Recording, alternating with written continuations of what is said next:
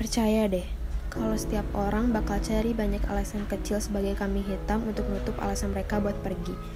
Jadi mereka nggak terlalu merasa bersalah ataupun disalahkan, meski itu alasan yang gak masuk akal sekalipun. Dengan kata lain nih, kalau pada dasarnya kita emang pengen pergi, kita bakal cari seribu alasan, meski cuma sepele, tapi kita bakal pakai alasan itu untuk pergi. Tapi kalau seseorang pengen bertahan, dia cuma butuh satu alasan meski alasannya gak masuk akal. Jadi kalau dasarnya dia emang mau bertahan, ya dia bakal bertahan. Gak peduli meskipun ada puluhan ribu alasan masuk akal lainnya yang bisa dia pakai untuk meninggalkan. Lucu ya?